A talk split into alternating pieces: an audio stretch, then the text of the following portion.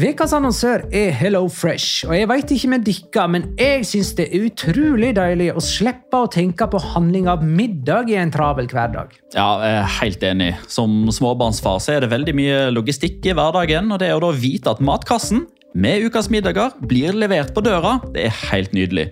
Da slipper du impulskjøp på butikken når blodsukkeret er lavt, og når du kommer hjem, kan du bare ta ut posen med dagens ingredienser fra kjøleskapet og sette i gang matlaginga.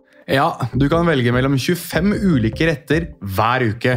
Og de har faktisk en egen kategori som heter Raskt og enkelt, med masse enkle og gode oppskrifter. Veldig greit å ikke måtte ty til takeaway hver gang det er hektisk på jobb. Jeg gleder meg spesielt til sterk chilikylling i min neste kasse. Jeg blir sulten bare av å tenke på det. Ja, Det er ikke feil med bacon og cheeseburger heller, da. Og det som også er bra, er at matkassen koster det samme hver uke, som gjør det enklere å holde matbudsjettet. Ja, og så blir det ikke matsvinn heller, fordi du får akkurat det du trenger til hver eneste rett.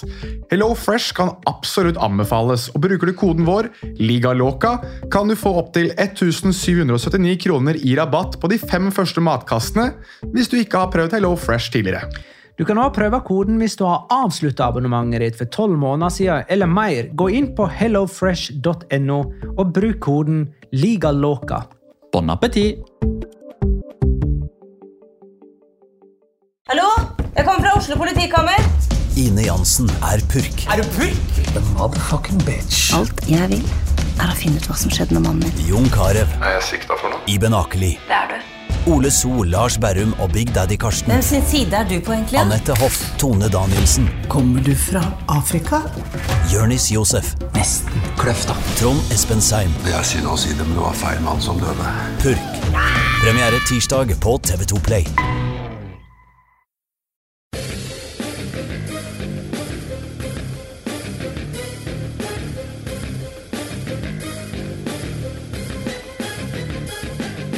Har du sett? Barcelona var ikke uslåelige i La Liga heller. Som venta ble Levante for sterke og tok en oppskriftsmessig trepoenger mot seriemesteren. Dermed fikk ikke Barcelona noe annet å juble for denne sesongen enn La Liga-trofeet. Og Copa del Rey-trofeet. Og ny rekord i antall seriekamper på rad uten tap. For en fiasko! La liga loca. En litt gærnere fotball. Er den ordinære La Liga Loca episode nummer 37. Med meg, Magnar Kvalvik, hei. Og deg, Jonas Giæver, hei. Shalom in the home. Og deg, Petter Wæland, hei. Hallo. Hvordan går det etter Barcelona-oppholdet? Fin form? Formen er meget fin. Var det kjekt? Ja. Jeg syns jeg så et bilde av dere på en City sightseeing-buss. Ja, ja, det stemmer. Vi, vi turisterte. Det må man gjøre. Tar folk fortsatt sånne busser? Åh, så utrolig mange som gjør det. Men det var faktisk en eh, veldig fin måte å komme seg fra A til B. Ja, altså Vi brukte jo det som transportmiddel nesten hele tiden, med, med unntak av de få gangene vi måtte ta taxi til visse steder. Så var det bussen som, uh, turistbussen som ble brukt. Mm. Og så var dere på El Clásico, eller iallfall du, Petter. Og så var det Barcelona via Real. Mm. To veldig kule kamper, så mm, Valuta for pengene. Mm. Mm. Og eh, Mm. mot slutten av eh, denne sendingen så skal dere få høre hele intervjuet som Petter og Jonas har gjort med Andres Iniesta i anledning hans uh, retirement. Hold pusten. ah, OK, det, det, blir ikke, det blir ikke noe intervju med Andres Iniesta, dessverre. Uh, men uh, vi skal snakke om Levante Barcelona, som var et forrykende oppgjør søndag kveld. Vi skal få på plass flere avgjørelser som har falt i La Liga siden sist. Vi gjør oss klare til europaligafinale mellom Atletico Madrid og Marseille. Den går på eh, onsdag.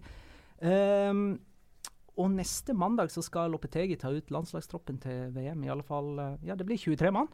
Ja. Det er ikke noen sånn type bruttotropp med 25 og Nei, det, eller det, det tas ut en større tropp, men hvilke 23 som skal til VM, blir også klart. Men det er jo pga. at eh, en del Real Madrid-spillere blant annet eh, kommer litt seinere til eh, landslagssamlinga enn de andre pga. Champions League-finalen, og man skal spille en kamp ganske, ganske tidlig i juni der en del ikke-VM-uttatte spillere skal være med. Levante Barcelona 5-4. Vi får eh, flere spørsmål, eh, både fra eh, Skal vi se Erik Andersen Nei, vent, da. Vi må bare finne spørsmålet. Kan jeg ta den imens, mens du Ja, finner det. spørsmålet? Brasil har kommet med sin eh, VM-tropp nå. Den kom nå. Den offisielle er eh, 23-mannstroppen er eh, tatt ut. Det er fem spillere fra La Liga, så Så jeg tenker riktig her. Ja, det er eh, Skal vi se, skal jeg gå gjennom de som er tatt ut fra La Liga? Det er Coutinho, Paulinho, eh, Casemiro, eh, Filipe Luis eh, og Marcelo er de som vi kjenner fra La Liga. Litt overraskende så er Casio er valgt eh, foran, Foran Neto. Mm. Uh, det er jo litt også fordi Teacher, gamle Brasil-treneren, er gamle Corinthians-trener og er kjent for å ta ut uh, spillere han er glad i. Og Casio hadde han da da han trente Corinthians. Og så kan det jo hende at Casio er en sånn type spilloppmaker som José Manuel Reina er For i, i Spania sin tropp. Det er Kan- derfor han, han er med. Kan være, men ellers så er det vel ikke noen sånn kjempeoverraskelser i den troppen her, synes jeg. Nei, Daniel Alves ute med skade, dessverre. Mm. Fagner kommer for øvrig inn. Det er kanskje en, en liten overraskelse. Han er ikke så veldig kjent for, eh, for Ola Nordmann, tror jeg. Men Er, er Douglas med? Er Keirison med? Nei, de er ikke med. Uh, Ikke Levante, Barcelona 5-4. Jakob Det Berge er ingen som tror på deg, Magnar. Er Levante Barcelona sesongens mest underholdende kamp? Svaret er ja. Markus Kristiansen spør kan vi diskutere hva som har vært sesongens kamp. og vi har jo allerede egentlig hatt eh, det spørsmålet oppe tidligere i eh, denne sesong én av eh, La Liga Loca. Og det er jo et par kamper som, som blir rangert ganske høyt i, i den kåringen der. men denne når opp på toppen, da. Altså, Både ja og nei. Uh, altså, Hvis man liksom tar totalpakke da, med, med, med kvalitet og, og skåringer og dramaturgi og hva som står på spill osv., så, videre, så vil jo alltid El Clásico eh, 0-3 på Santiago Bernabeu et oppsiktsvekkende resultat. 2-2-kampen var veldig underholdende. Du har Betis Valencia 3-6. Da var det jo ni, eh, skår, ni skåringer, åtte forskjellige målskårere. Sju av dem var jo sånn som man karakteriserer som en golatho, som var fantastiske prestasjoner. Eh, Du hadde eh, Real Sociedad Real Betis 4-4. Men i denne kampen her så Altså Forventningene mine til den kampen her Altså Jeg, jeg, jeg var eh, Jeg traff på et par av naboene før jeg skulle reise, reise innover og sa jeg tror det kan bli litt tungt eh, på, på jobben i kveld, altså. Ferdigspilt Levante mot Barcelona, som skal liksom transportere inn en uavgjort eller en, eh, en seier uten Messi. Altså, jeg har aldri tatt så feil før. Altså, For et fyrverkeri og for et dramaturgi, for en utvikling. Altså, På et tidspunkt altså leder Levante 5-1! Og dette så ikke du komme? Overhodet ikke.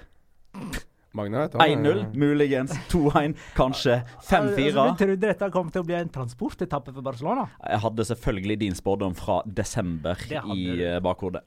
Det hadde du. Men uh, ja, Sevilla Betis 3-5. Betis Valencia 3-6. Denne er eh, helt der oppe. Ja, det vil jeg si. Men litt òg på grunn av eh, det at det går en rekord her. Eller rekorden stopper, Mm. Eh, og muligheten til å bli det første laget siden okay, 1929 som går ubeseira gjennom en sesong, eh, stopper òg her. Det var jo, det var jo snakkisen i forkant og underveis. Altså, Én ting er at Barcelona taper. eh, en annen ting, eh, en stor ting, er at de, de slipper inn fem, men, men det får jo faktisk en form for konsekvens òg. Og Ernesto Valverde sa det jo etter, eh, etter kampen òg, altså Medarabia. Eh, altså, tapet, altså jeg blir forbanna over at man taper.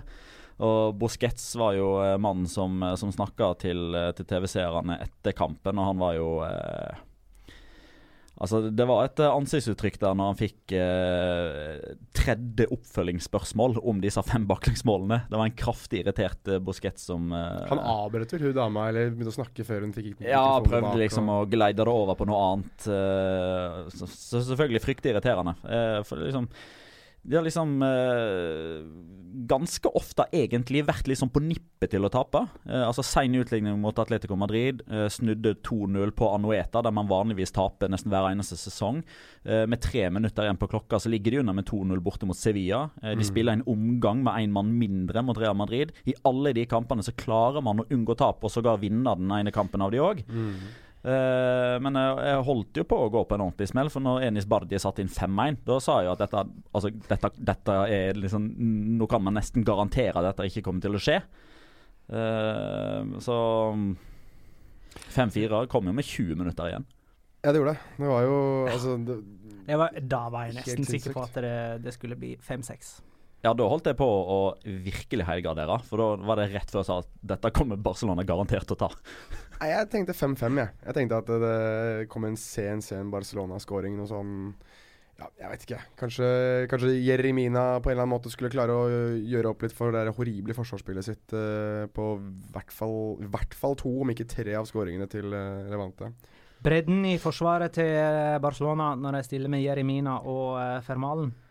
Det er jo, På papiret så burde det være nok, synes jeg. Jeg synes det er, jeg synes det er to Fermalen til toppnivå synes jeg er veldig høyt. Jeremina synes jeg er spennende og har høyt potensial. Eller har et høyt tak, da, for å si det sånn. Semedo synes jeg er undervurdert, og Jordi Alba Jordi Alba. Jeg synes det burde være nok til å kunne I hvert fall ikke slippe inn fem mål. Ja, det ble jo ikke så veldig mye bedre når Piquet kom inn heller. Så Nei, det var, det. det var jo en kollektiv svikt. Mm. Men samtidig så er det jo litt interessant at de to siste kampene som Messi har stått over En for Barcelona, en for Spania. Nei, en for Argentina. Så har mot de Spania. to Ja, mot Spania. Så har de to lagene hans da sluppet inn elleve mål. Mm, det er interessant. Um, apropos det. Erik Andersen spør jeg, eller påpeker. Uh, og nå skal dere få lov til å komme inn i Messi versus Cristiano Ronaldo-debatten, som dere er så Yes! innmari glad i. Real Madrid smadra Celta Vigo 6-0 uten Cristiano Ronaldo. Barcelona taper 5-4 mot Levante uten Messi. Den ene løfter laget, den andre blir løfta av laget.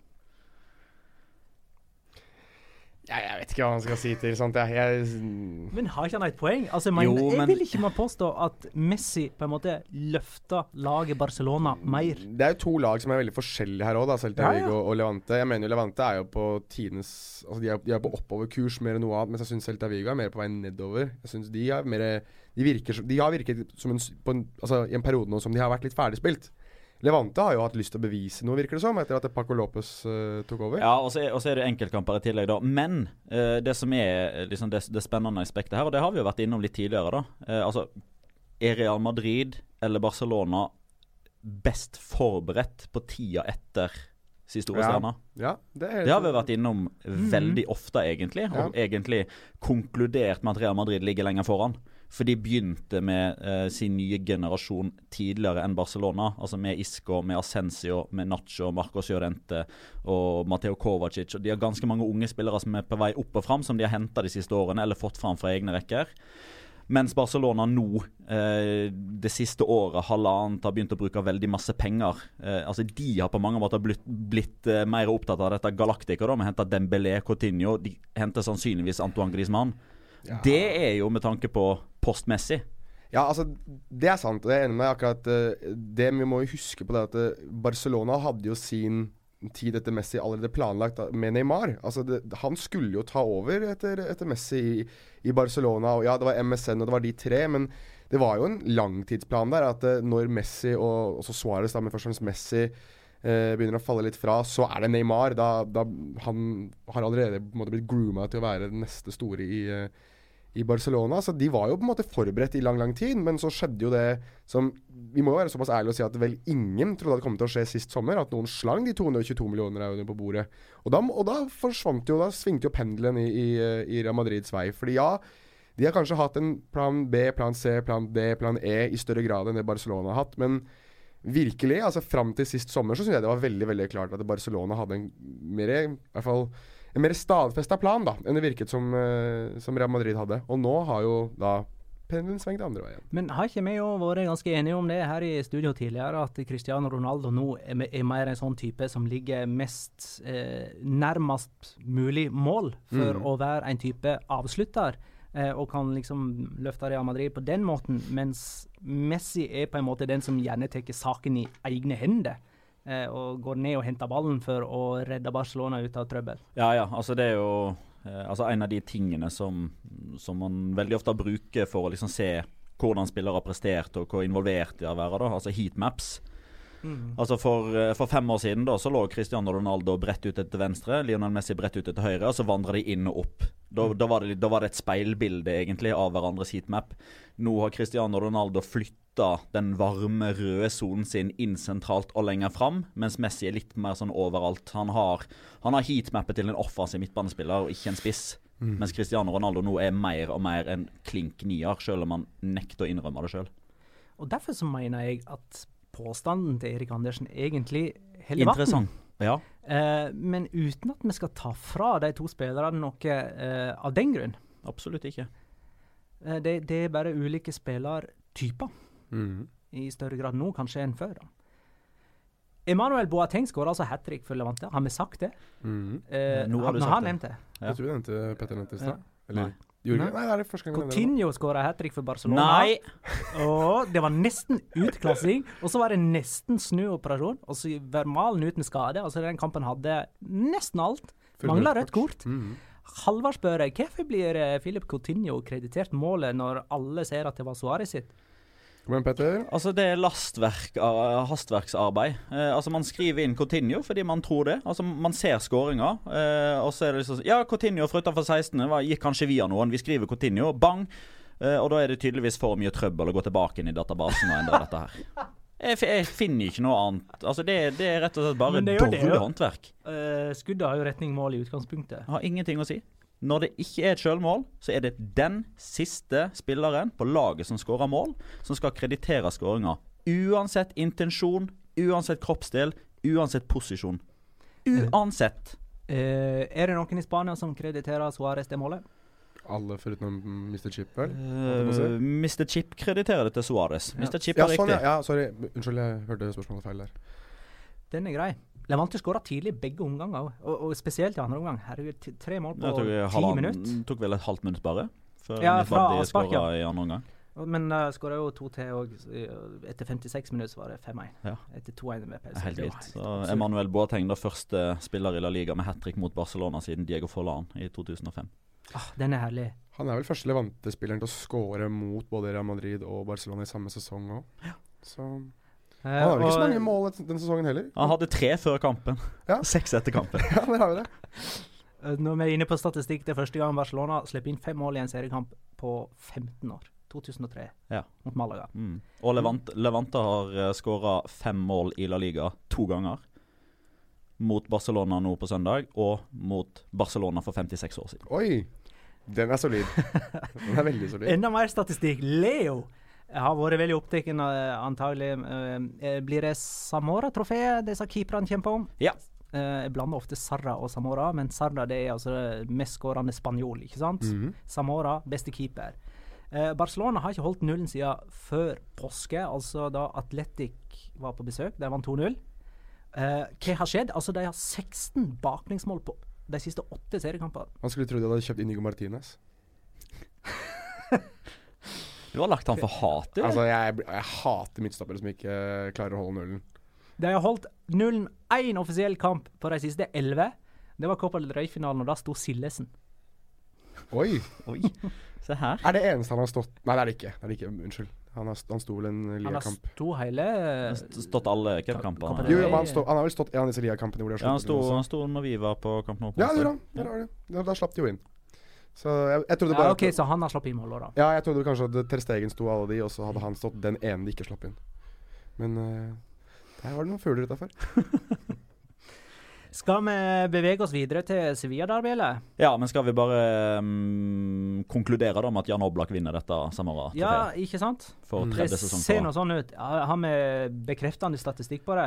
Nei, det, altså, det er jo ikke bankers ennå, for per definisjon så kan Jan Oblak slippe inn de syv-åtte målene som skal til mot Eibar, men vi vet jo alle at det ikke kommer til å skje. Det er litt sånn Juventus. Altså- de, de var seriemester eh, i ei uke før de faktisk nå ble det denne helga her. Du, altså, Barcelona slapp inn fem mot uh, Levante, så jeg, Åtte mot uh, Atletico, åtte mot Eibar. Det, jeg holder alt åpent. Men du, jeg, jeg, vil, jeg vil ikke forlate denne kampen her helt ennå. Unnskyld meg. Jeg har noen flere påpekninger. Nei, Pet, jeg òg har det. ja, Petter Hjort, eh, hvorfor sier Barcelona ja til en treningskamp i Sør-Afrika, midt mellom Levante og Real Sociedad? Og tilleggsspørsmålet fra meg, er det en av grunnene til at Messi ble hvila her? Det har jeg faktisk ikke fått med meg, men det er jo disse berømte sedlene, da. Ja, sju millioner euro eller noe sånt har jeg hørt. Jeg hadde reist til Sør-Afrika for sju millioner euro, jeg.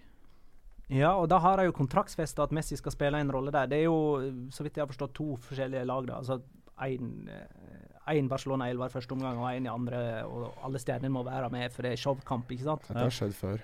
Ja, ja. Lag, laget har gjort det her før, så det er Ja, ja, Valencia gjorde det jo for uh, ja, men forrige uke. Det var i Saudi-Arabia eller Qatar eller noe sånt og spilte. Manchester United gjorde vel uh, en sesong også da de dro til Emiratene vel for å spille en eller annen treningskamp midt i sesongen, husker jeg.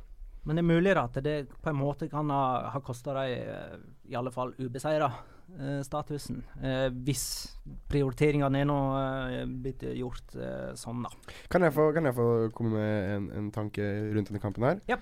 Ehm, jeg vil gjerne høre tankene deres jeg, rundt Jeremina. Altså jeg, jeg, for jeg satt eh, og så Prøvde å følge spesifikt med på han. Jeg husker Da, da, vi, da vi var på kamp nå, eller på kamp nå, nå, så var han kanskje den spilleren som publikum var mest glad for å se. Altså Det var ekstrem entusiasme da han begynte å varme opp, og enda mer ekstrem entusiasme da han kom innpå. Da var vel kun da Iniesta gikk av, at applausen Ja, og Messi underveis. ja, Messi underveis. Så applausen Altså det var, det var Iniesta, Messi og Jeremina. Det var de tre som fikk mest applaus.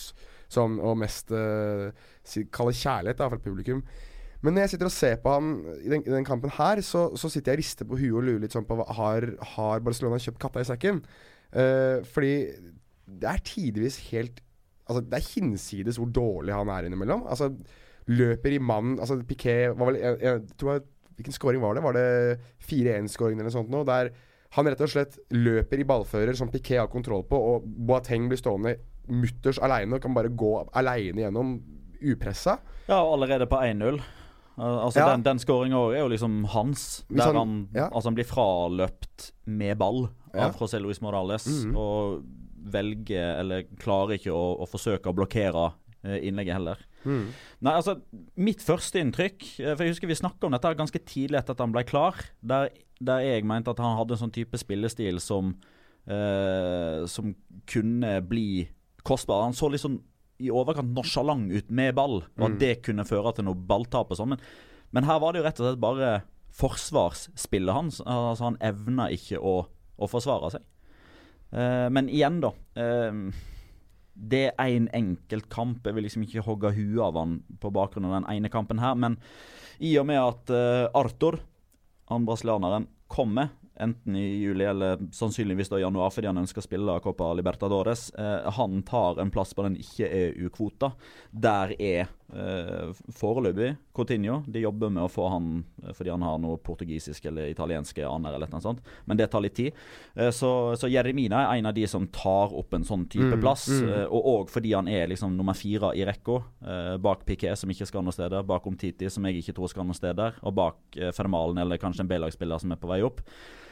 Så, så virker det som en litt sånn dårlig skjult hemmelighet at neste sesong så spiller Jeremina et annet sted, fordi han, han kan ikke gå for lenge og bare sitte og spikke flis på benken. Mm, mm. To, Tom og Jerry, ingen suksess for Nei. Barcelona. han har starta tre kamper for eh, Barcelona og vunnet ingen. Ja, uh, ja. Men uh, han Yes. Han avgjorde vel den straffekonkurransen i Catalonia Cup, eller hva det heter. Stemmer det. Det er. Nonsjalant straffe, husker jeg. Ja, stemmer det. Stemmer det. uh, OK, men nå Nei! Nei, jeg hadde en ting til. OK. Dette, altså Levante Barcelona, den mest målrike kampen i La Liga, med ni. Den mest kortrike kampen i La Liga 2017-2018. 13 gule kort! Åtte de siste ti pluss tillegg. Og nå avrunder vi med en shout-out til Magnus Garung, som var på kampen med La Liga Loca-drakt. Så han så da Selvfølgelig Det er selvfølgelig Når du sa på La Liga Loca-drakt, så er du da på den kampen som Ja, har mest locora i seg av, av alt. Det var en fiesta han valgte. Meget bra. Herlig. Sevilla-derby. 2-2 mellom eh, Real Betis og eh, Sevilla. Benito Villamarin var et uh, fantastisk skue lørdagskveld. Uh, det er en deilig stadion, og det er en deilig fotballby. Bartram, første målskårer. Uh, selve personifiseringen av eh, vårens Betis-opptur. Var ikke det passende at han satte inn den? Jo, det syns jeg. Når han skåret i Hvis jeg husker det feil, han har skåret da i uh, El Gran Derby, som er da Sevilla-derbyet. Han har skåret i El Clásico, vel. Og han har skåret i Bayern München mot Borussia Dortmund. Så han, han er en mann som skårer i de store kampene. Uh, Syns det var litt morsom statistikk. Han ble vel spurt om det etter kampen òg, og da sa han vel at ja, jeg er vel en, det er vel da jeg velger å skåre målene mine i de, de store oppgjørene. Han sa jo òg at han hadde fått liksom altså Hårene hadde stått. Altså gåsehud Ja. av stemninga og, Ja. og hele atmosfæren og alt sånt. Og det er liksom Det er all ære til Sevilla Darbia. At en mann som har spilt El Clásico og Bayern München mot Borussia Dortmund og vært med i Champions League-finaler, riktignok på benken osv. Det, det sier sitt. Så dere, så dere Joaquin Caparos, eller? Så På bussen? Ja. Ja. Så det? Det er så Før kampen, ja. Ja, altså Det er greit nok at han er, litt, han er en litt sånn Han er jo en karakter. Ja, man, han, han, han prøvde jo seg på en liten ordkrig og sånt før kampen. Og, men det at han står i bussen og synger Sevilla-hymnen idet de kjører inn på Benito Villamarin, det er jo Altså, Si hva man vil om, om Joaquin Caparros, han har jo fått en del kritikk. Men at han har et hjerte som blør for Sevilla, det kan ingen uh, frata han. Og jeg synes det er nydelig å ha litt sånne karakterer som det, som ja, ikke er redde for å holdt på å si uh, skrike ut hymnen til den klubben han representerer. Og så leverer jo disse Sevilla Derbys denne sesongen så til de grader, da, med tolv mål på to kamper. Mm. Altså, det er jo et oppgjør med hausa opp, og det med god grunn, kan vise det seg. Ja, vi, vi selger ikke dårlige produkter med gode skussmål. Det gjør vi ikke her i La Liga Loca. Nei, vi prøver ikke i hvert fall. Ja, 5-3 til Betis i det omvendte oppgjøret. Eh, og det at de si, liksom unngikk tap i begge derbyene, det var liksom noe som var veldig stort for dem. Mm. De, de skrev De hadde en litt sånn uh, ord, ordkrig på, på Twitter, Uh, de offisielle kontoene til, til Betis og Sevilla. Jeg, jeg husker ikke hvordan det var sånn nøyaktig, men det var vel Betis som, som, som starta og la ut en, en tweet med et eller annet eh, som var relatert til Tekken. Altså dette spillet eh, som var inn i et eller annet årstall, og det var åpenbart da forrige gang eh, Betis eh, klarte å unngå tap i begge byderbyene mot Sevilla. 98 eller noe sånt, tror jeg. Ja, et eller annet sånt. Og så svarte Sevilla med eh, en litt sånn der syrlig tweet med at eh, ja, det er liksom ikke så rart at dere er så glade når det liksom er så lenge siden. Og så svarte Betis tilbake med at eh, ja, men eh, hvis vi hadde liksom valgt et annet spill, f.eks. dette her, eh, så var det liksom umulig å spille mot dere, for dere var i, på nivå to dette året. Sånn drittslenging etter kamp. Ja. Real Betis havna over Sevilla denne sesongen. her. De er fem poeng over. Det er én kamp eh, igjen å spille. Men begge lag var jo i godt humør etter den kampen her når- når Europaligaen var sikra i begge leirer. Mm. Ja, med Ja, for all del. Men med litt bismak for Sevilla, vil jeg anta. Som ikke klarer å ta dem internt. Ja, det òg, men òg fordi de starter sesongen fordømt tidlig. Ja, sånn, ja. 2018-2019. ja. Riktig. Jo, jo, men målet var nå uansett å ha muligheten. Jo, ja, ja, og absolutt. Og derfor så er jeg liksom enig i at ja, de er glade. Men hadde de tatt de tre poengene, så hadde de hatt en mulighet i siste Nei. runde til å bli nummer seks.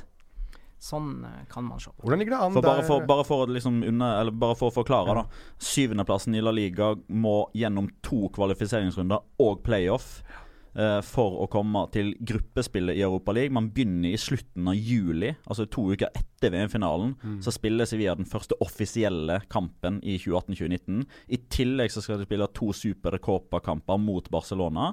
Og pga. at Sevilla da spiller hver bidige torsdag fra slutten av juli til eh, slutten av august, så sliter man nå med å finne tilgjengelige datoer. Fordi den eneste datoen som Fordi det spilles jo hjemme og borte. Eh, og man, man har én ledig dato, som er 12. august. Og da må i så tilfelle returen spilles enten 19. august, men det går ikke, for da starter La Liga. Da må det i så tilfelle være 5. august. Problemet er at Barcelona spiller treningskamp i San Francisco 4. august. Så ja, Spania har klart det igjen. Men hvordan, men hvordan blir det med Hvordan blir det med sportsdirektør osv. nå i, i Sevilla? De, jo, de har jo masse de må gjøre nå, på veldig veldig kort tid. Ja, ja. Caparros er kanskje ikke med videre til neste sesong. Nei, han, han, altså, han, han har signert en kontrakt. I kontrakten så står det at han er hovedtrener eh, for Sevilla de fire kampene som gjensto når han eh, signerte kontrakten, og at han er ansatt i klubben etter det. Men Rollo er ikke spesifisert. Nei, nettopp. Han kommer ikke til å bli hovedtrener. Det, det tar alle, alle for gitt. Eh, fordi han Han er en quick fix. Han er noe som får ting til å skje i, i korte perioder. Men han, han, han klarer ikke å opprettholde den intensiteten over tid, blir det sagt eh, fra de som skal er eh, visstnok vite ting om dette her. Det Ligas Tom Nordli.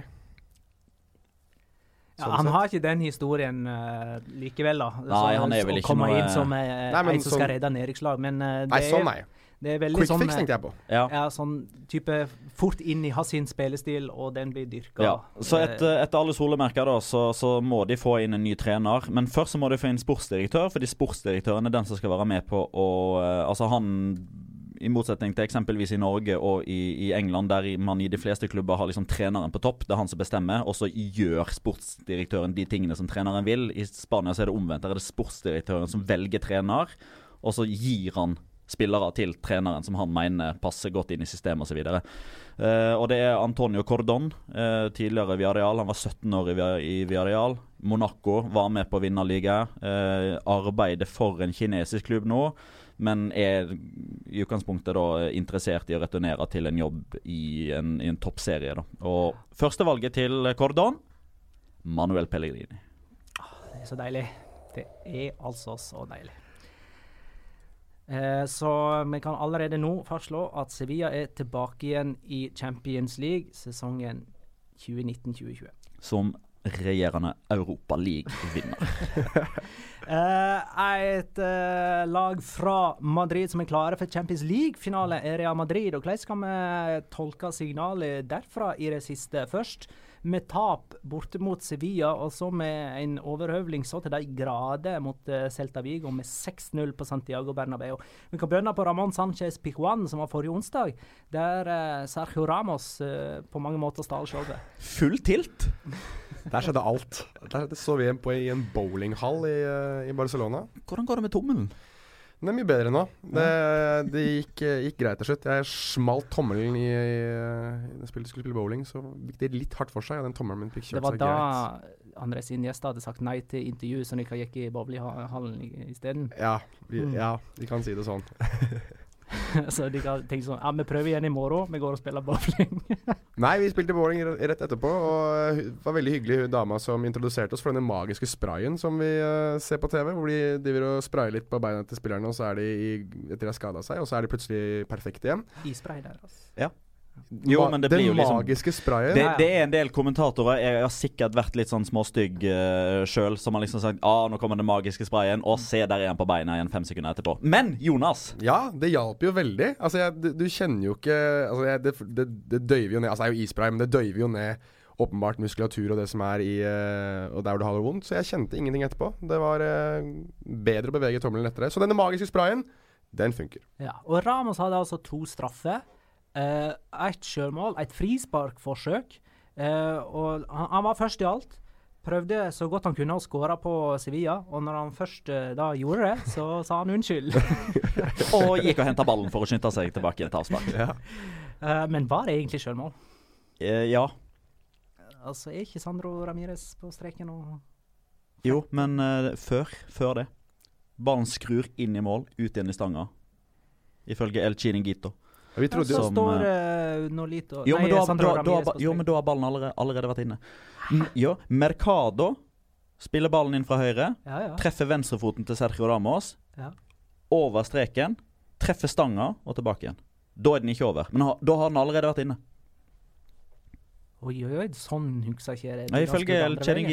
Chiningito, eh, så var det sånn. vi satt, Men vi satt sånn som deg nå, Magnar. Vi trodde jo at det til slutt ble At det var en annen på streken der som satte den inn eh, i mål, men Ja. eh, Nei, jeg, jeg, så, jeg, så har jo sett bildene igjen, fordi jeg har jo hatt litt, um, litt jobb å ta igjen etter denne Barcelona-turen. Og jeg òg tenkte sånn rent umiddelbart at ja, men dette her er jo Sandro-skåring, for den ballen er jo ikke inne før han toucher den. Men så er jeg liksom opptatt av å ha dette så korrekt som mulig, så jeg sjekker jo andre kilder. Og El Chiringuito har et analyseverktøy som visstnok er helt fantastisk. som vi, vi satt jo og så på etter El Clásico, der de bare da i løpet av litt sånn tastetrykk og sånn har det de da mener er fasiten på at Cristiano Ronaldo var 14 cm i offside når han ble spilt gjennom etter fem minutter.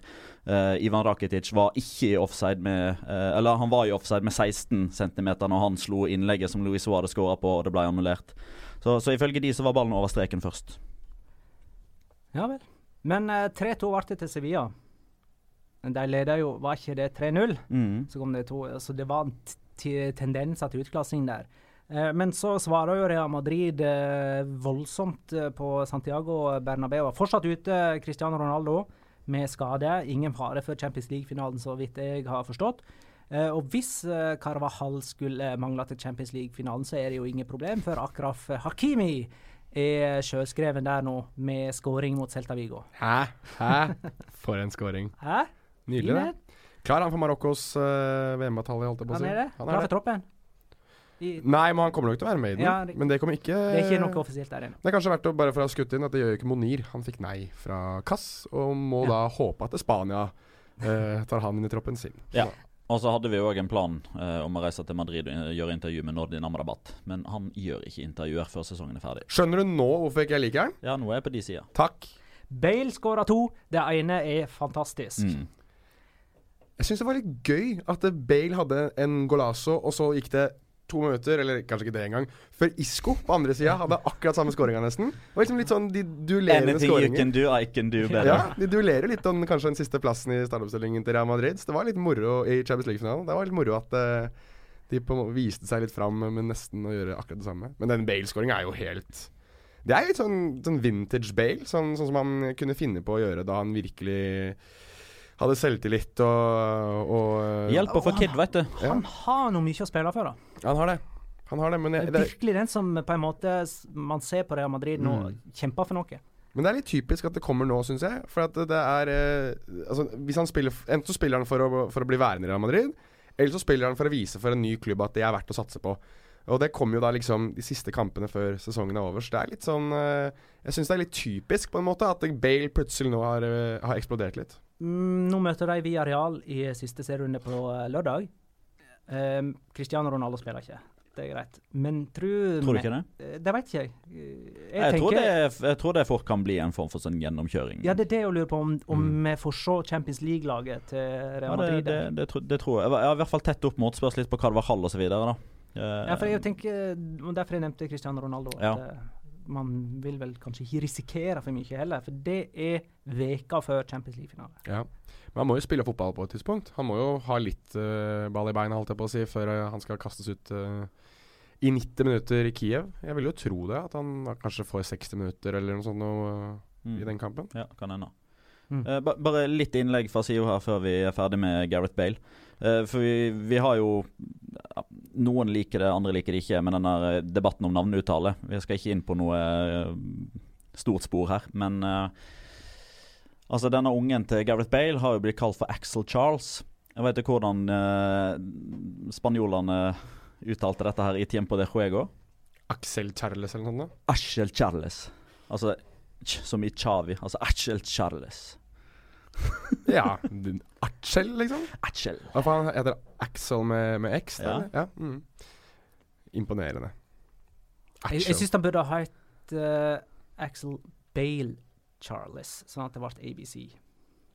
Men uh, de, de har tydeligvis valgt en annen rekkefølge. Hadde jeg, hadde jeg vært deg nå, så hadde det blitt sånn Askeladden-latter av det. Eh, for øvrig, Real Madrid ligger på tredjeplass med 75 poeng. De er tre poeng bak Atletico. Skal vi nesten ta for gitt at eh, Atletico tar den andreplassen. Vi kan vente litt med det. Leo spørre når var sist Real Madrid tok mindre enn 80 poeng? Er det noe Veit ikke hva svaret? Nei. Jeg tipper det Ja, er tipp. 2006-2007. Du tipper Jonas 97-98. 97-98? Mm. Eh, det er ikke så lenge siden. Det var i 2008-2009. Da Bernt Schuster starta sesongen som trener, fikk sparken, og Juan de Ramos tok over midtveis. Mm. Tapte bl.a. 6-2 hjemme for eh, Barcelona. De, Eh, vant, de vant serien med 76 poeng i 2006-2007. Oi, der ser du. De tapte de siste fem serierundene den, eh, i 08-09. Det er ganske Og det var siste sesongen til Ramón Calderón, når han heter presidenten, før eh, Florentino Perez tok over.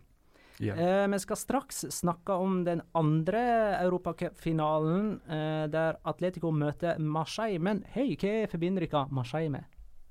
Sånn utover det at de har et fotballag som skal spille europaligafinale. Norske eh, fotballmirakler. Det er riktig. Du òg, Jonas? Hva, hva, hva vant de nå? Hæ? Hva vant jeg nå? Slo vel Brasil 2-1 på sankthansaften i 98. Du vant en, en pose med sånn Kina-snacks.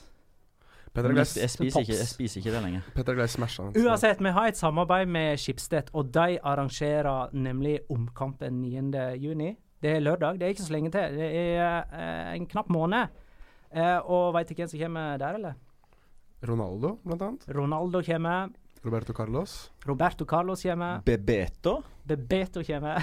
Det herlige sånne La Liga-gull. Bebeto skårte mot Norge. Han skåra mot Norge. Det var vel 23. juni, var ikke det? Ja, sankthansaften. Sankthansaften. Uh, og det var det som, da han kjørte den vugge... Det var det ikke var i- debuten på vugge? Nei, det var 94. Ja, det Det var var fire år før. 94. 94. Det som er greia, Fikk han at det, unger hele tida, han, eller? det var bare den ene gangen at han feira med vugga. Mot Nederland i 94. Så det var det den ene gangen? Ja, Jeg trodde, han gjorde det, jeg trodde det ble sånn fast greie. jeg. Ja, han, kjørte, han kjørte en helt annen feiring mot Norge. Det var noe sånn hysjing på Drillo og litt sånn, husker jeg. Men greia er det da, at uh, Solskjær skal ikke være med eh, på kampen. Så dermed så kan en vinner av en konkurranse få ta Solskjær sin plass for Oi. Norge og spille mot Ronaldo, f.eks. Jeg hadde blitt med i den eh, konkurransen. Det hadde jeg òg. Jeg hadde faktisk droppa å gjøre det jeg egentlig skal gjøre den dagen, hvis jeg hadde vunnet den konkurransen. Men eh, hvordan, eh, jeg, har lyst, jeg har lyst til å melde meg på. Hvordan gjør man det? Man går inn på omkampen.no. Okay. Der får man informasjon både om hvordan man får eh, billetter til oppgjøret, og uh, hvem som er med. For uh, det er ti, i alle fall, påmeldte brasilianere, og det kommer flere. Mm. Uh, og så får man se hvordan man er med i konkurransen. Men var ikke dette 98-VM sånn cirka det første VM du husker? Jo, det, da, det var sommeren jeg fylte seks. Uh, jeg husker at jeg var, jeg var på Tjøme, eller i Tjøme, på, i, i Kjømme, uh, på Sørlandet da denne kampen ble spilt. Eller var det Kristiansand? Enten eller. Når ble Tønsberg Sørlandet? Nei, herregud, nå blander jeg. Sorry. Søgne? Nei, jeg blander. Jeg var i Kristiansand. Tjøme var andre sommeret. Okay. Eh, Kristiansand var jeg, og eh, jeg så ikke kampen. Jeg fikk ikke se kampen. Nei, for du så Skottland-Marokko. Marokkaner som du er. Nei, jeg gjorde ikke det, men jeg fikk faktisk høre om den før jeg fikk høre om Norgekampen. Så, men det var vel kanskje fordi den var ferdig først. Jeg vet ikke. Nei, det gikk samtidig. Ok, ja nei, Jeg så den i opptak. Men jeg kom hjem til, uh, til Oslo, og da var jo byen Da så ikke byen ut. Vel. Petter, da? Jeg så kampen hjemme i stua langt oppe i fjellsida i Odda. Og jeg husker pappa ødela en stol i ren sånn glede. For han satt på kne med liksom hendene på en sånn der stressless krakk. Og nesten gjemte seg når Rekdal satte straffen. Og så gikk, gikk han i mål, og da fikk han plutselig lyst til å slå eh, begge håndflatene ned i denne her sånn gjentatte ganger. Sånn ja! Og så ble den ødelagt. Du da, Magne? Jeg satt i kjelleren hjemme med armen i fatla, Jeg hadde fått eh, skulderrødt ledd. Jeg var sjukmeldt i seks måneder. Jeg var egentlig ganske deprimert. Oi. Da er det deilig med fotball. Fy flate. Jøss. Det- Dette var rett etter russetiden, så jeg var helt avhengig av eh, både sommerjobb og jobb etter det igjen, for jeg hadde tenkt å ta et arbeidsår. Er det en sammenheng mellom den skuldra og russetida? Nei. Nei. Det var en fotballkamp. Det er litt moro å tenke på at jeg var fem år gammel og Magna var russ. Det er jo Det det var dumt jeg nevnte. Men eh, Kjetil Rekdal, som skåra for Norge. Tore André Flo, som skåra for Norge, er med. Drillo er sjølsagt trener, og han er faktisk den som velger ut uh, vinneren av konkurransen til sjuende og sist. Tre Oi. stykker som, uh, tre stykker som blir plukka ut av uh, konkurransekomiteen, og så skal han velge den ene av de tre. Det er òg ganske stilig. Jeg regner med at noen kommer til å vise originalkampen i opptak rundt disse dager, for det er jo eh, 20 år siden. NRK hadde jo kampen, og det er jo Skeie og, eh, Kjernås som skal kommentere kampen òg på Ullevål. mm.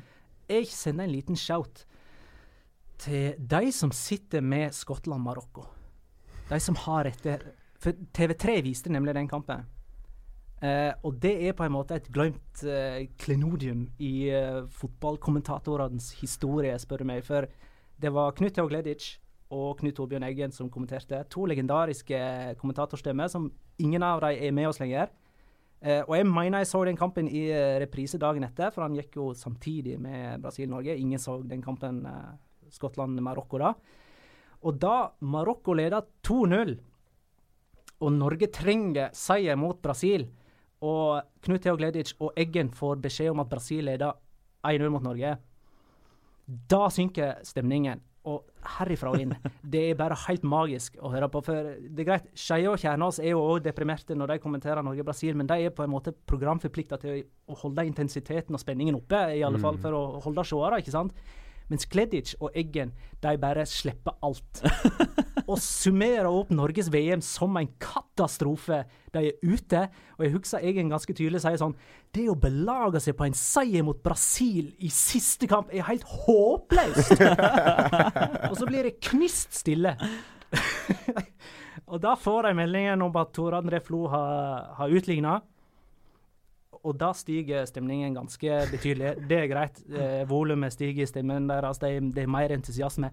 Og så blir det knust stille igjen, og det er så fantastisk!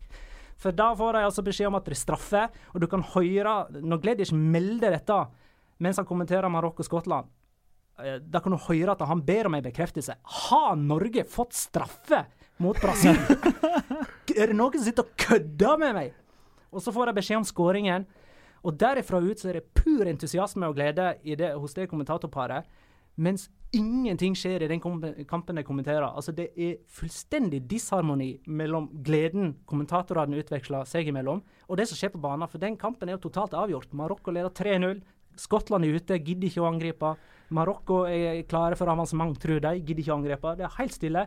Og de norske kommentatorduoene er helt bananas. Det er fantastisk. Dette var jeg ikke klar over. Nei, Men nå har jeg fryktelig lyst til å se Skottland-Marokko i opptak. Altså, Hvis vi har satt sitte på den der Eller om noen har en VHS-kassett med opptak.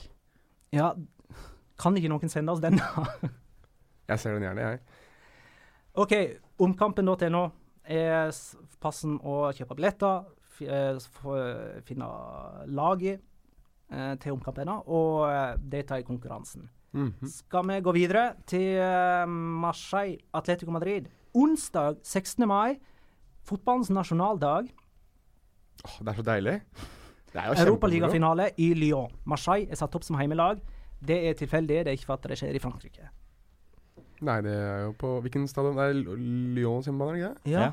Ja. eh, Stad Lyonnais eller noe sånt, jeg vet ikke. Jeg er ikke helt sikker på hjemmebane. Ikke Stad uh, Galant, Nemlig. i Det der er jeg driver fortsatt og. Men den er, det er jo ikke der de spiller lenger. Er det ikke det? På Stad Galan. Nei, de bytta jo stadion for tre-fire år siden. Sjekker nå. Dette Park- hadde vi faktisk på quizen vår i i Ja, vi hadde det. Park Olympic Lyonnais. Ja. Vær så god. Nemlig.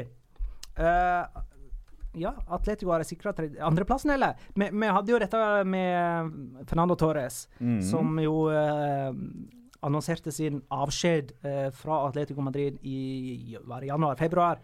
Og da satte vi tre mål på hans vegne. Det var at han skulle runde 100 skåringer i La Liga. Check. Det var at han skulle komme over Real Madrid for første gang som Atletico-spiller.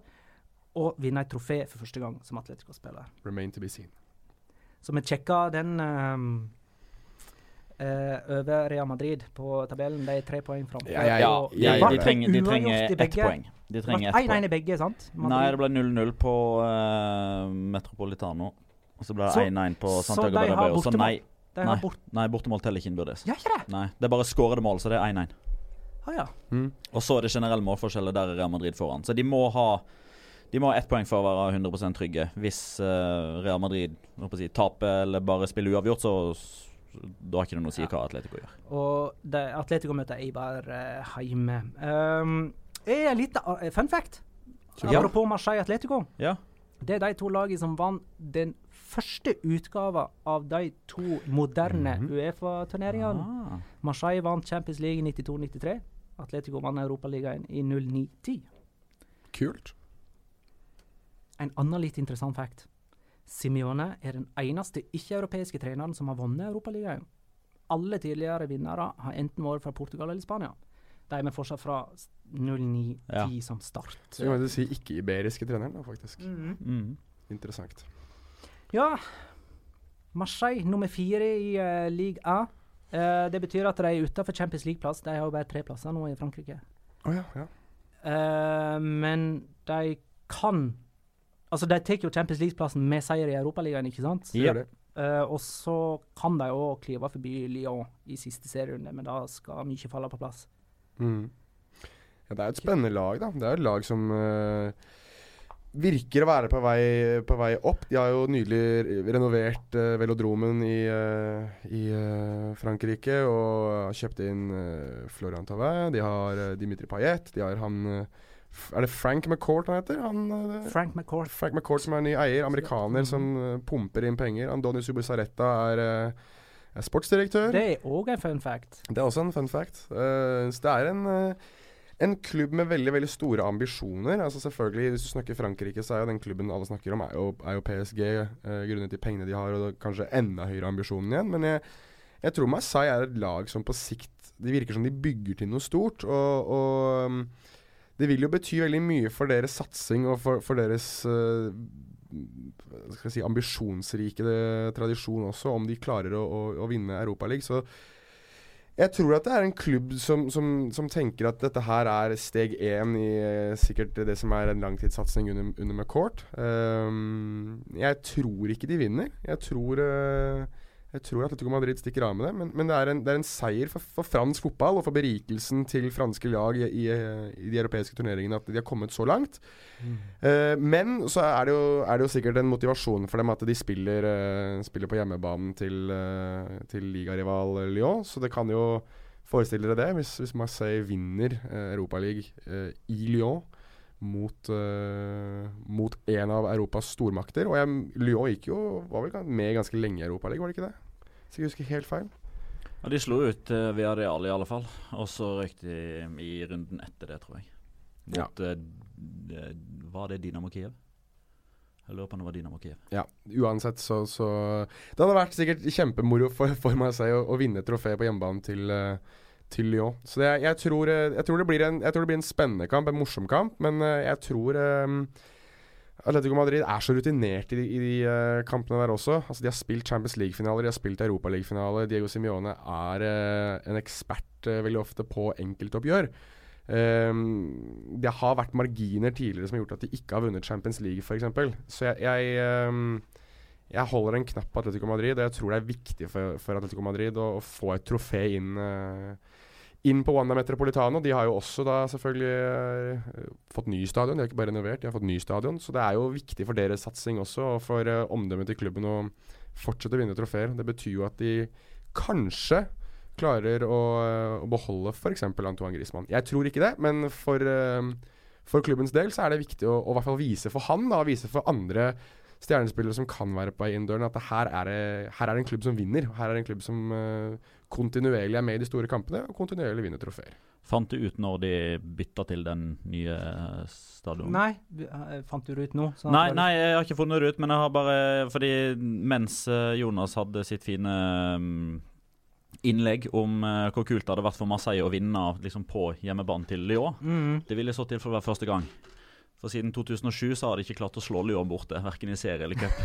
Så det, det, det, dette her er en, en bane og en by de ikke trives i. Ja, banen ble vel De starta vel å bygge på den i 2012, og så var den ferdigstilt i 2016. Så det er jo en, det er en ny stadion. Vel, vi, har vi snakket om alle andre stadioner de har spilt på, og det er vel sikkert Stad Galan og sånt, de har vært på, på tidligere. Ja, før det. Så, men eh, i januar 2016, ja, da har de vært der tre ganger, da. Uten å, uten å vinne. Ja. Så det er jo litt moro hvis de tar det første seieren her blir Ja, ja, Europaliga-finalen. absolutt. absolutt. Men um, jeg snakka så vidt med, med Paul Thomas Clay, eh, kommentator i Viasat, som, som følger fransk fotball langt tettere enn meg. Han kommenterer jo bl.a. liga i, med, med jevne mellomrom. Og han mener at Atletico Madrid er altså Om ikke soleklare favoritter, så hadde han i alle fall tro, eh, i likhet med oss, eh, på at Atletico Madrid skulle ta det fordi Marseille er så svake defensivt. Altså Det er jo de offensive spillerne til Marseille som liksom har tatt de videre. Altså Veldig mye spennende der med, med Maxim Lopez, med Florent Tova, med Dimitri Payet. Eh, og det, det er liksom antall mål de har skåra som har tatt de videre, ikke antall baklengsmål de har eh, sluppet inn eller forhindra. Og da tenker jo jeg, som, ser, som så i likhet med, med Paul Thomas, da, at liksom, er det ett lag som liksom klarer eh, veldig ofte da å stagge disse offensivt gode lagene, så er det jo Atletico Madrid. Altså de, de prøver å øve veldig ofte mot Barcelona og Real Madrid. De møtes jo eh, ikke bare i serien, men òg liksom veldig ofte i cupene, fordi de beste lagene går ofte langt i turneringene, og da møtes de innbyrdes. Så, så jeg tenker liksom at, at Marseille sånn i utgangspunktet da skal være et lag som passer Atletico Madrid eh, ganske bra med Atletico Madrid-øyne. Skal skal vi gjøre dette til tippekampen? Dette kan være tippekampen. Mm. Kan godt gjøre. Det kan, ja, ja. Uh, tippingen er jo bare en formalitet. Det er jo litt spennende å se hvem av dere to som vinner denne konkurransen. Uh, men Petter har altså 24 poeng. Jonas har 20 poeng. Jeg har 10. Pluss 5. For, For Levante. for Levante. Det er mange som mener, av folket der ute, at det bør få plusspoeng for å ha tippa Levante som laget som feller Barcelona i deres jakt på uh, ubeseira sesong. Når var det du sa det? Var det desember, eller var det januar? Det var en på Twitter som mente jeg sa det i desember, men jeg har ikke gått gjennom og sjekka arkivet på det der. Vi har, ganske, vi har jo veldig lojale lyttere, så jeg tipper at det er noen som faktisk har gått og sjekka det her.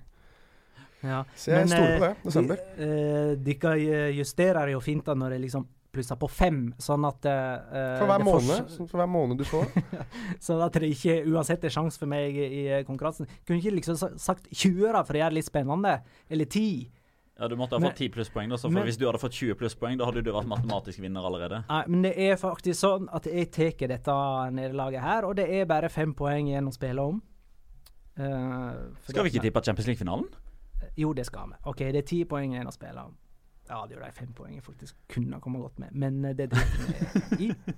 Alle sammen fikk null poeng på Real Betis Sevilla. Det er ikke godt nok. Det er ikke godt nok, Kenneth. Og nå er det Marseille Atletico Madrid. Petter får begynne. 1-0 til Atletico Madrid. Antoine Griezmann. Den er kjedelig, men den er så åpenbar. Ja, den er det. Vet du hva jeg gjorde for noe? Jeg bare får sagt det før, vi, før jeg sier mitt. Jeg så Atletico Madrid mot Getafe, og da 1-0-skåringen Kokke skåra 1-0 for uh, Atletico Madrid, så skrudde jeg kampen. For jeg visste at ikke noe mer kom til å skje. Og hva skjedde? Ingenting mer. Bra. Jeg bare skutt inn det. Det har blitt sånn rutine for meg nå, hvis de tar ledelsen. Så. Men uh, app, ap Nei, glem det. Ok. Jonas, Ja, jeg skulle sagt 1-0 Atletico Madrid, ja, men jeg får litt uh, du tipper alltid det samme som Petter, du, så du bare kjør på. vet du hva jeg sier for noe? Jeg sier 1-1, jeg. At de får litt spenning. OK, det- så det er etter 90 minutter vi regner her, da? ja, ja ja. Men uh, hvis det blir 4-6 etter straffekonk, så ikke, får ikke du rett. Jo. Jo da. OK, så 90 minutter her, da. Ja, 1-1. Og da, siden, da må jeg jo ta Atletico Madrid-målskåreren, ettersom eh, Eller, eller kan, jeg- kan jeg ta skårer...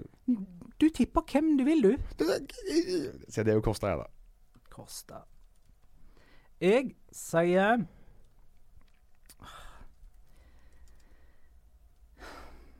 Nå må du tippe Nei, Marseille. jeg vet jeg sier 2-1 til Marseille. Eh, Tauvin, første målskårer.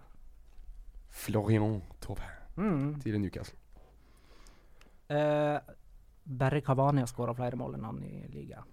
Ah, er han så mange? Ja, 22, tror jeg. Oi. Cavani 28, er ikke det sånn? Eh, og eh, Neymar er 19, men han har jo vært skada en stund, da. 19 mål, 10 mål inn på Neymar. Ble kåra til årets spiller, eller sesongens spiller, Neymar. Ja, det ble han. Eh, og apropos Neymar, siden vi er inne på det. Hva skjer?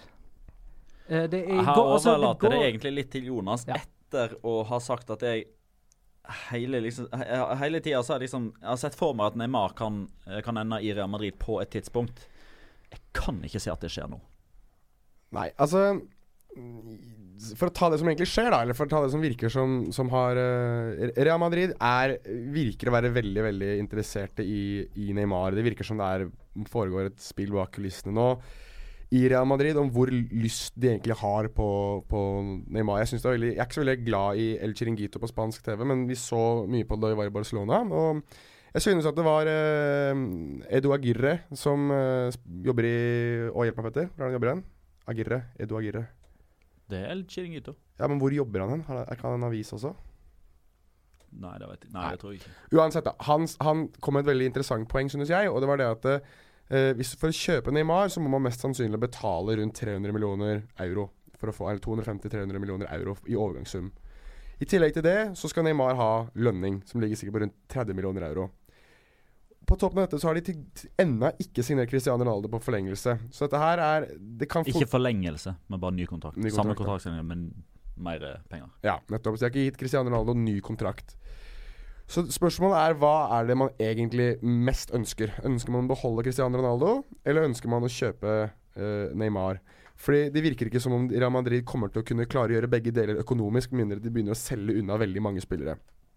Og Neymar kommer til å koste rundt 300 millioner euro. Så, så enkelt er det. Hvis, hvis Paris Saint-Germain skal vurdere å selge han, ikke sikkert de kommer til å gjøre det da. De betalte 222 millioner euro i fjor. Jeg tror Neymar egentlig ikke har lyst til å være i, i Paris lenger. Jeg tror at han, så, så mye som har kommet nå, spesielt i brasiliansk presse, hvor det har vært veldig tydelig på det at, at uh, faren til Neymar har vært i diskusjoner med Paris Saint-Germain, og han er mye i Paris for å snakke med eierne og snakke med direktørene. Så mye var han ikke i Barcelona. Det, det, for meg antyder det at det er et eller annet som ulmer der. At, er, uh, at Neymar ikke er helt fornøyd med, med, tingenes tilstand. Det er også ryktet om at han ikke helt klarer å venne seg til, til garderoben. At han er ikke uh, nummer én, slik han selv hadde trodd og håpet. Det er en sånn argentinsk-orgoyansk uh, bande som, som, styrer mye i, i PSG, og det, han, det vil ikke han venne seg til. Han dro fra Barcelona for å bli den store stjernen, og det har han ikke helt klart å bli i garderoben. Så jeg tror at han tenker at han må tilbake igjen og spille på et nivå som, som appellerer mer til han. Jeg tror ikke han har lyst til å spille bortekamper mot Amiens og jeg vet ikke hvilke andre klubber jeg kan bruke her, men, men vil heller spille mot uh, Getafe og Levante og Som tilsynelatende er, som tilsynelatende er på et høyere nivå uh, for hans del. Så jeg, jeg, tror, uh, jeg tror at hvis Jeg tror Real Madrid er, er, har lyst på Neymar. Jeg tror Neymar har lyst på Real Madrid. Uh, jeg tror ikke Paris Saint-Germain har lyst til å selge han, fordi det også er et slag uh, under, under, skritt Eller under beltestedet for Under skrittet. Under beltestedet for, for, prosjektet til PSG. De har vært veldig veldig ambisiøse og brukt veldig, my, veldig, mye penger. Og da å måtte skrinlegge det uh, etter kun én sesong, det tror jeg nesten kostet det enda mer for, for disse rike qatarske eierne. men jeg tror at hvis Neymar har et vanvittig bra VM, hvis Brasil vinner VM, hvis Neymar er den store stjerna, så kommer uh, Florentino Perez til å gå med alt han har for å sikre seg Neymar. Vi vet alle sammen veldig veldig godt hvordan Perez er uh, rundt VM-tider. Store stjerna skal til, uh, skal til Madrid. Han skal spille med hvit drakt og med kongens emblem på, på brystet. og jeg tror at det fort kan bli Neymar. Så, så VM kan fort diktere veldig mye om hva som skjer med Neymar, og hvor hardt Real Madrid kommer til å gå. Det som er interessant her, synes jeg, er det at uh, for første gang muligens så møter Real Madrid nå uh, i et VM-år møter de en, kommer til å møte en klubb som har uh, bedre økonomi, er minst like ambisjonsrike og har råd til å si nei til 300 millioner euro f.eks. For, for Neymar. Så magefølelsen sier at vi ser nok Neymar i, i PSG én sesong til. Gjør han det bra i VM, så kan den magen fort begynne å rumle litt. Husker dere hvor mange prosent sikker Barcelonas sportsdirektør Robert Fernandes var på at Neymar skulle bli i Barcelona? Var det 2000% eller? Nei, det var 200. Mens uh, Al-Khalifi i, uh, i, PSG er 2000 uh, sikker på at Neymar blir neste sesong. Ja. Så lenge disse prosentene ikke har et tak, hvorfor bare strekke seg til 200% liksom? Jeg ikke, sa ikke Zinedine Zidane at Eh, Real Madrid var 110% klare for en kamp. Og, ja, og, og alle, så utrolig lavt, egentlig, ja, alle, når det ikke finnes et tak. Ja, og alle i Paradise skal være 110 seg sjøl. Men um, da runder vi av Paradise Hotel-diskusjonen vår. Uh, og, og går videre til landslagstroppen til Lopetegi. Den er ei uke unna når vi sitter i studio. Mm. Uh, det vil si at neste gang vi går i studio, så har vi fasit i hånd. Ja. Uh, og dermed så blir dette vår siste sjanse til å spekulere. Ja. Uh, Alexander Larsen vil veldig gjerne at, gjerne at, vi skal spekulere, og han har tatt ut troppen før oss. Så jeg bare leser opp troppen hans, jeg. Og så kan vi ta ut og inn de vi eventuelt syns det mangler eller er for mange av. Kan vi si ja-nei etter hvert som de spillerne han tar ut? Ja, OK. Keepere. De Gea. Ja. Kepa. Ja. Reina. Ja. Forsvar. Carvahall. Ja. Odriozola. Usikker. Ja, sier jeg. Javi Martinez. Nei. Nei. Piqué. Ja. Nacho. Ja. Dette er da Nacho Fernandes. Uh, ja. Ikke Nacho Monreal, hvis noen skulle lure. Sergio Ramos. Ja. Jordi Alba. Ja. Alberto Moreno. Nei. Nei. Alberto Moreno? Ja, han har en sånn eventuelt Monreal. Ja, heller Monreal. Nei. Heller Marcos Alonso enn de to. Ja, jeg er enig i det òg, for så vidt. Og så har han glemt Aspilicueta. Ja, men ville du tatt ut Vil du tatt ut Javi Martinez da og satt inn Aspilicueta? Ja. Ok, ja. Jeg kan være med Men på det. betyr det at eh, Javi Martinez får være med i midtbaneflokken, eller Nei. er han ute? Han, han er ute i min Ja. tropp. Så eh, da har vi Carvajal, Odrio Sola, eh, Piqué, Nacho Fernandes, Ramos, Alba, Monreal Nei. Ikke nasjon... nei, eh, Aspilicueta Mm. og eh, Alonso. Marcos Alonso. Petter var usikker på Kanskje Alonso. Jeg er usikker på om det blir Alonso eller um, Odrio Sola. Midtbane. Mm. Der har han Busquets, Ja. Ja. Tiago, Ja. Saul, Ja. Koke, Ja. Iniesta, Ja. Isco, Ja. Ascencio, Ja. Silva. Ja. Ja. Um, jeg glemte å nevne, apropos forsvarere, Mark Bartra. Sondre Finstad Berg lurer på det. Ja, han er en dark horse for meg. På Mm. av den utrolige formen han har hatt denne vårsesongen. Nemlig. Men jeg kan godt argumentere for at han skal inn. Er Eh, men det da som er har jeg liksom ingen som skal ut, og det er Nei. det som er problemet til Bartra. Mm. Eh, I midtbanen nå sa du Tiago. Alcantara. Ja. OK, angrep. Aspas, Ja. Ja. Morata, Usikker. Nei. Vitolo, Nei. Nei. Rodrigo. Ja. Ja. Ja. Eh, så han har ikke kosta. Han skal inn. Han skal inn. Ja, Og det skal Lukas vaskes òg. Ja, ikke sant? Men da er det Vitolo ut, Vaskes inn, Morata ut, Costa inn. Og så sitter vi med Aspas og Rodrigo. Jeg er usikker på Igjen, altså kun fordi jeg ikke vil eh, innrømme at jeg tok feil før det er helt bankers at jeg tok feil. Men uh, igjen, uh, hvorfor er man så sikker på at det er bare tre spisser som skal med? Ja, nei, jeg, kjøper den. Altså, jeg, jeg, men jeg tar utgangspunkt i den troppen vi fikk servert her, jeg nå. Ja. da, da er det de tre De tre Altså Rodrigo For, for meg nå, altså snakker vi i dag, eh, 14. mai, så eh, er det de eh, Er det Rodrigo, Aspas og Costa for meg. Ja, samme her. Derfor sier jeg ja på de, og usikker på Morata. For det, det kan hende at eh, de finner plass til han allikevel, fordi de to har så godt forhold, Lopetegi og Marata. De har fulgt hverandre hele veien. Men hvem tror du ryker da? En forsvarsspiller. Hvis du, hvis du måtte ta ut en av de tre? Hvis jeg, måtte, hvis jeg måtte bytte ut Costa, Aspas eller Rodrigo, Ja. hadde jeg tatt ut eh, Rodrigo. Du hadde tatt ut Rodrigo, ja? Ja. Okay. Fordi han har vist dårligst form nå i det siste. Han har dabba av litt. All right. Jeg tror faktisk at hvis, han, hvis, hvis en av de tre skal ut, så tror jeg det blir Aspas. Jeg vil ikke at det, Det kan jeg garantere deg at det ikke blir. Nei, jeg bare tror det. Jeg, altså, Rodrigo, Alvaro Morata De har spilt sammen mye på U21 og kjenner hverandre godt. Og det er relasjoner som har mye å si i disse troppene her òg. Vi snakket, så nylig på en video fra Tichi, brasilianske landslagstreneren, som sa det at det er flere ganger hvor jeg har tatt ut Eller er spillere jeg har tatt ut i min landslagstropp som ikke fortjener det. Men grunnet det de gir til laget vårt, så, for, så må de med. Ja, det, det kan jeg forstå. Den kan jeg kjøpe. Men da skjønner jeg ikke hvorfor Aspas har vært med tidligere. Og Forrige gang Aspas var med, så skåra han og hadde tre målgivende på én omgang mot Argentina. Og har vært den beste av de siden det. Preaching to the choir, altså. Jeg er helt enig med deg. Um, jeg henta Altså, den eh, Alexander Larsen-troppen tror jeg var fra mars. Så altså Han var tidlig ute. Eh, og så har han noen sånne diskusjoner med seg sjøl eh, på Twitter. Eh, bare sånn at det er nevnt, da. Men eh, fint bidrag. Nå har vi fått justert, og er sånn noenlunde Vi er ganske enige med han, det er vi. Men det er sånn to-tre mann som vi, som vi kan Det må være noe diskusjon. Og så blir, Ja. jeg, blir jeg sur hvis ikke Odrio Sola kommer med, selvfølgelig. Fordi jeg er f- Odrio Sola-fanboy. Ja, I så tilfelle så kan du ta eh, Ja, det er vel vanskelig å ta flyet til San Sebastian. Da må du uh, mellomlande. Ta flyet til Bilbao og sett deg på bussen, og så banker du på hos Imanol Alguatil, og så gir du han skylda.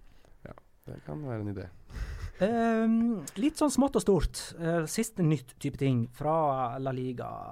Det har en viss relevans for La Liga at Åge Hareide har tatt ut en pre-tropp til VM med sitt mm. Danmark, med mange eh, La Liga-spillere.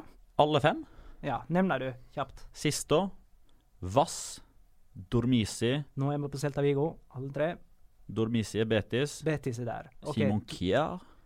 Og nå er vi på, i alle fall i Sevilla by, Ja. på de to. Eh, og så opp til eh, Nordvest-Spania og Michael Krondeli. Der ser du. Jeg tror ikke han blir med når den blir slanka til 23. Ja, for den er på 35, vel? Å ja, det er såpass. Jeg tok ganske mange. det Ja, jeg tror han tok ganske mange. Um, Ja, ellers Ni Nigeria har tatt ut sin uh, tropp. Og uh, B-lagskeeperen til Deportivo er i troppen. Hvem er det? Francis. Han sto én eller to Ja, eh, han kamper nå i desember eller noe sånt. Har ikke han fått ganske mye skryt for å være ganske talentfull, da? Han har fått ros for det, ja. Ja vel, ok. Uh, Siganda får ikke fortsette som hovedtrener for Atletic etter denne sesongen. Det ble eh, offisielt på torsdag. Da hadde de i alle fall en eh, pressekonferanse om det. De ble nummer sju forrige sesong under Ernesto Valverde og er nummer 16 nå. Det vil si at de har falt ni plasser ned på eh, tabellen. Det er den største droppen over to sesonger, sam, uh, sammen med Las Palmas. ett lag til som har droppa ni plasser. Ni plasser. Fra Fra forrige sesong til denne. Ja. Las Pal... Nei, det kan det ikke være. Åpenbart ikke. Malaga. Yes! Oh, ja, det var ja. nummer 11 i fjor. Leif Kondradsen spør er Atletic det dårligste laget i forhold til forventninger denne sesongen. Ja, det vil jeg faktisk si. Det vil Sånn rent umiddelbart. Si. Dio Español har jeg som to var- som har skuffet meg veldig denne sesongen. her. Ja, det er greit nok, men Espanol havner jo foran, og det skal de jo ikke gjøre. Nei, nei, nei, altså for all del. Ja, ja, nei Da må det vel være de Da må det være Atletic, da, som eh, er det som har underprestert mest. Kan jeg få lov til å komme med Sorry, det er derfor jeg var litt sånn desorientert, fordi vi snakket litt om VM. Mm -hmm. uh, dette er jo en La Liga-kjenning. Men uh, for en som er litt sånn nerdete på disse tingene her uh, Fem VM nå for Rafa Marquez, tidligere Barcelona-midtstopper. Alle fem har vært kaptein. Han er tatt ut i troppen igjen nå, i en alder av 39 for Mexico. De har tatt ut en 26-mannstropp, så han skal slankes med tre. Rafa Marquez. Rafa Marquez. Han som var i Barcelona i 92? Han, Ja, han, som spil, han som var, han var jo med i uh, Spania-VM i 82, han. Ja, stemmer. Han Rafa Marquez. Fem, men alle fem. Han blir første uh, spilleren til å være kaptein i fem VM. OK, fem VM. eh, OK, eh, da må vi gå tilbake. 2002. Det var 2002 som var første, Ja. det sa du. 2002, 6, Ja, 10, 14, 18. Jeg tror han var med før det. Og, eh, bare Han var med i Kjent han hele mitt liv, jeg føler. Uh, Xabi Prieto og Carlos Martinez legger opp etter sesongen og tok sin avskjed med uh, Anueta-publikummet i Real Sociedad sin siste heimekamp. og hadde jo litt kult med en æresvakt for Iniesta og Preto, f.eks., på kamp nå eh, til helgen? Jo, det hadde det. fint. Oi, ja. Hadde det. Så gjør de- Hvis de går ut sammen og Mm. applauderes av av begge lag. Men eh, da må de jo på en måte la Carlos Martinez i stikken, da. Det er litt kjedelig. Jo, det, det, han, han slår meg som en type som synes at eh, det går fint. Og han er kanskje ikke en sånn det er ikke. Så, Nei. mm. Og så er biting nå offisielt oppført som en rødt kort-forseelse i fotballens reglement. Det er første gang det er spesifisert. Ok. Eh, Ja, fra og med 1. juli? eller- Sikkert, sikkert, for regler blir ikke innført på dagen. Tenk Eh, hvis man biter i åttendelsfinalen og ikke blir vist ut. Og så gjør man det i kvartfinalen fordi det er juli. Og så blir man utvist. ja, men jeg tror alle regler, eh, de samme reglene gjelder under et helt mesterskap, altså verdensmesterskap. Ja. Det tror jeg, i Ja. alle fall. Eh, men skulle vi ha satt opp et råtass uh, Rasøl-lag Mm. Eh, for at vi nærmer oss sesongslutt og har jo en lang sesongoppsummering framfor oss, så kanskje vi skal ta litt av det allerede nå. Ja, Uh, på oppfordring fra Magnus Øy, som, eller Ingjerd, som han vel heter. det er. Magnus Ingjerd. Eh, som oppfordra oss eh, til å gjøre dette for lenge siden. Og Ja. Da forsto jeg det sånn at dere hadde allerede ganske klart eh, et lag før for dere. Jeg har ikke klart et lag, men jeg har klart eh, spillere som jeg vil som jeg hadde. Petter har nok et mer fastsatt lag enn Ok. meg. Han er kaptein og greier, så. Dette er årets mest usympatiske råtasslag. Ja. Hvem har de i mål, Petter? Og- har Og jeg presiserer, unnskyld, at dette går ikke på personlighet, for Nei. vi kjenner ikke personene. Dette er hvordan de har framstått på fotballbanen. Ja, det er utelukkende på, Mhm. på fotballbanen. Uh, du har Ivan Cuellar i, eh, i mål. Leganes. Leganes. Du Eh, trenger ikke utdype veldig på hver enkelt eh, spiller, men, Nei da, men, eh, men for å si det sånn, da. Han er den eneste keeperen som har filma på et gult kort på en motstander som har blitt trukket tilbake i etterkant denne sesongen. Luis Suárez eh, gjorde det. Og han er den som får flest gule kort for drøying av tid og sånne type ting. Han er helt ekstrem på å drøye med tida på slutt. Jonas. Bare en, eh, en annen kandidat. Neto. Jeg synes uh, når du slår ut uh, hvor mange tenner i kjeften på Diego Godin, så sier jeg du i hvert fall du skal uh, To og en halv. To og en halv tann i munnen på Diego Godin, så syns jeg i hvert fall du skal oppføres uh, som en kandidat. Neste Høyrebekken, der Ja, der kommer kapteinen. Okay. Det er favorittspilleren til Bandoleroen selv. Damian Suárez. Ja. Getafe? Retafe, ja.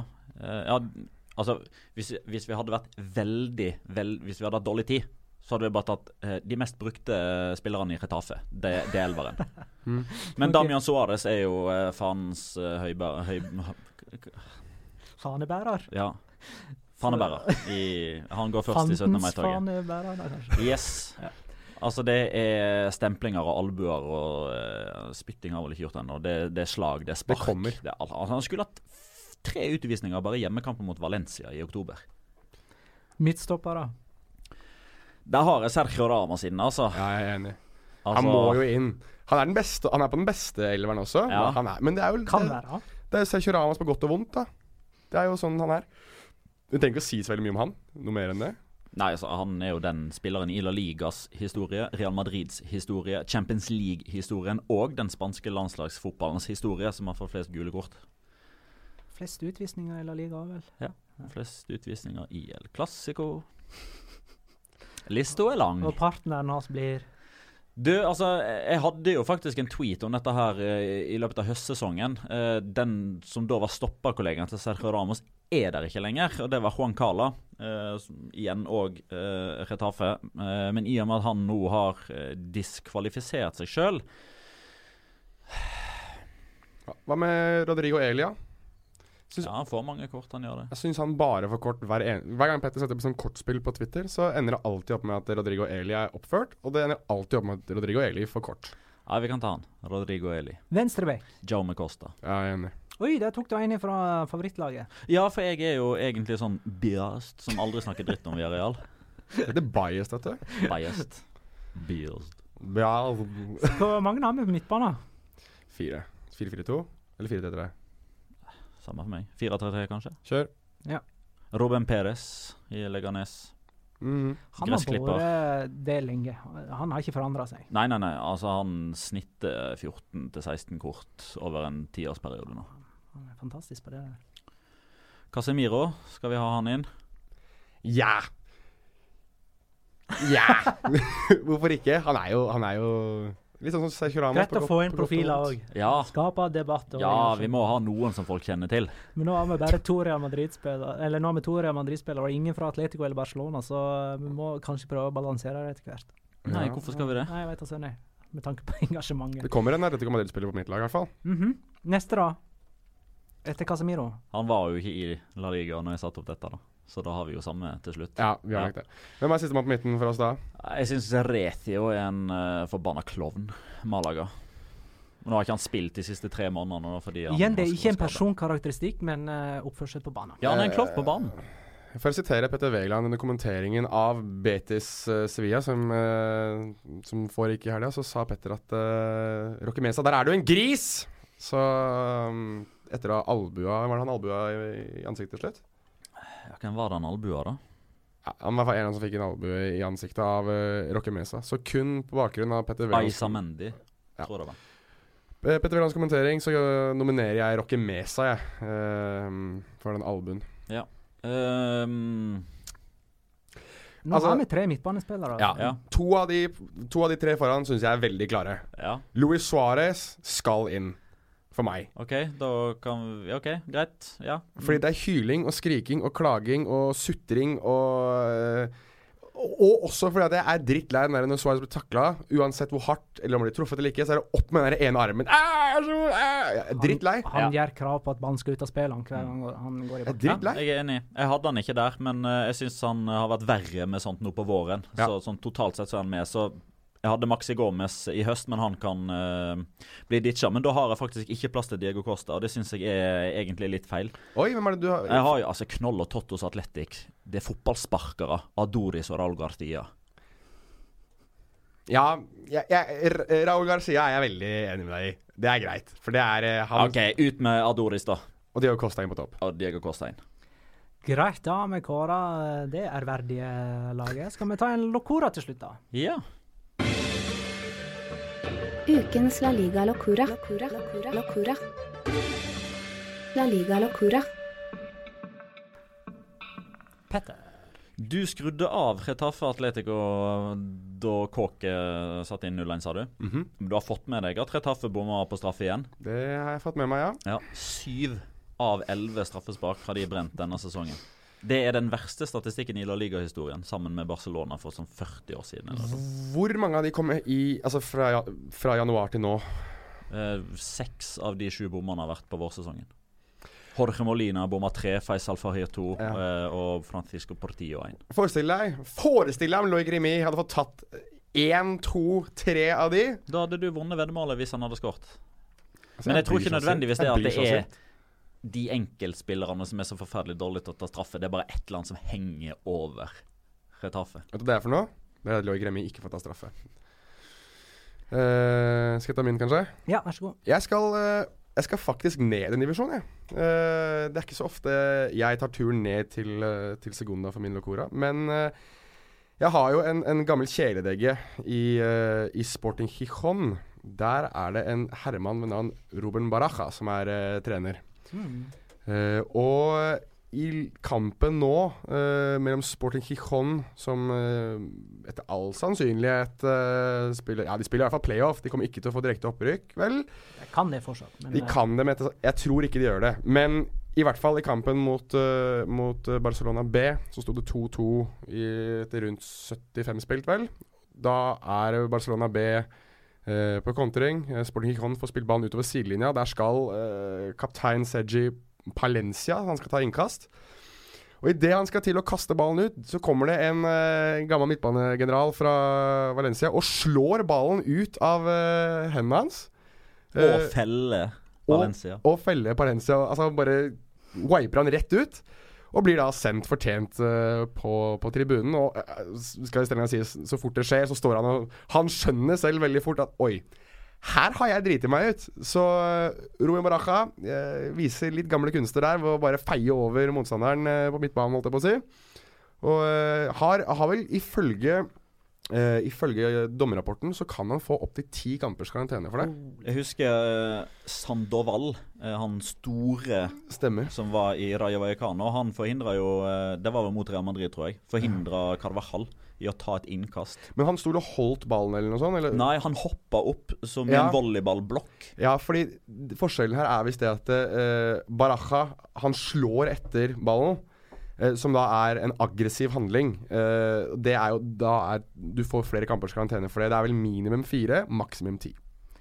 All right. Jeg uh, kjører en enkel uh, Locora. Uh, for visst er det meste avgjort i La Liga, men da kan vi fort få sånne runder som vi gjorde denne helga her, med 42 mål på ti kamper. Det er over fire mål i snitt per kamp.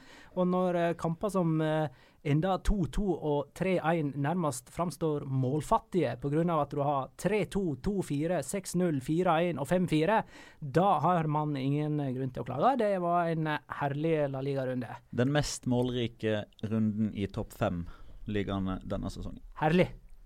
Olé. Eh, da ønsker jeg alle sammen en skikkelig god Europaliga-finale. Kan jeg si en ting eh, på tampen her? Ja. Vi skal jo ha sesongoppsummering snart. Ja. Eh, og jeg synes at vi i, vi i det minste kan oppfordre eh, lytterne til å komme hvis de har lyst til å ha noen spesielle kategorier. Hvis det er noe de har lyst til vi skal snakke mer om under sesongoppsummeringen, så må de sende det inn til oss på atlaligaloca.pod på Twitter. Og statistikker, hvis man ønsker det. Alt mulig. Og jeg har allerede lagra noen sånne type ønsker. Så bra. Så bra. Så det er deilig. Takk for sånne bidrag, eh, folkens. Eh, både til sesongoppsummering og til dagens episode. Takk for at du lytta, kjære lytter. Ha det, da.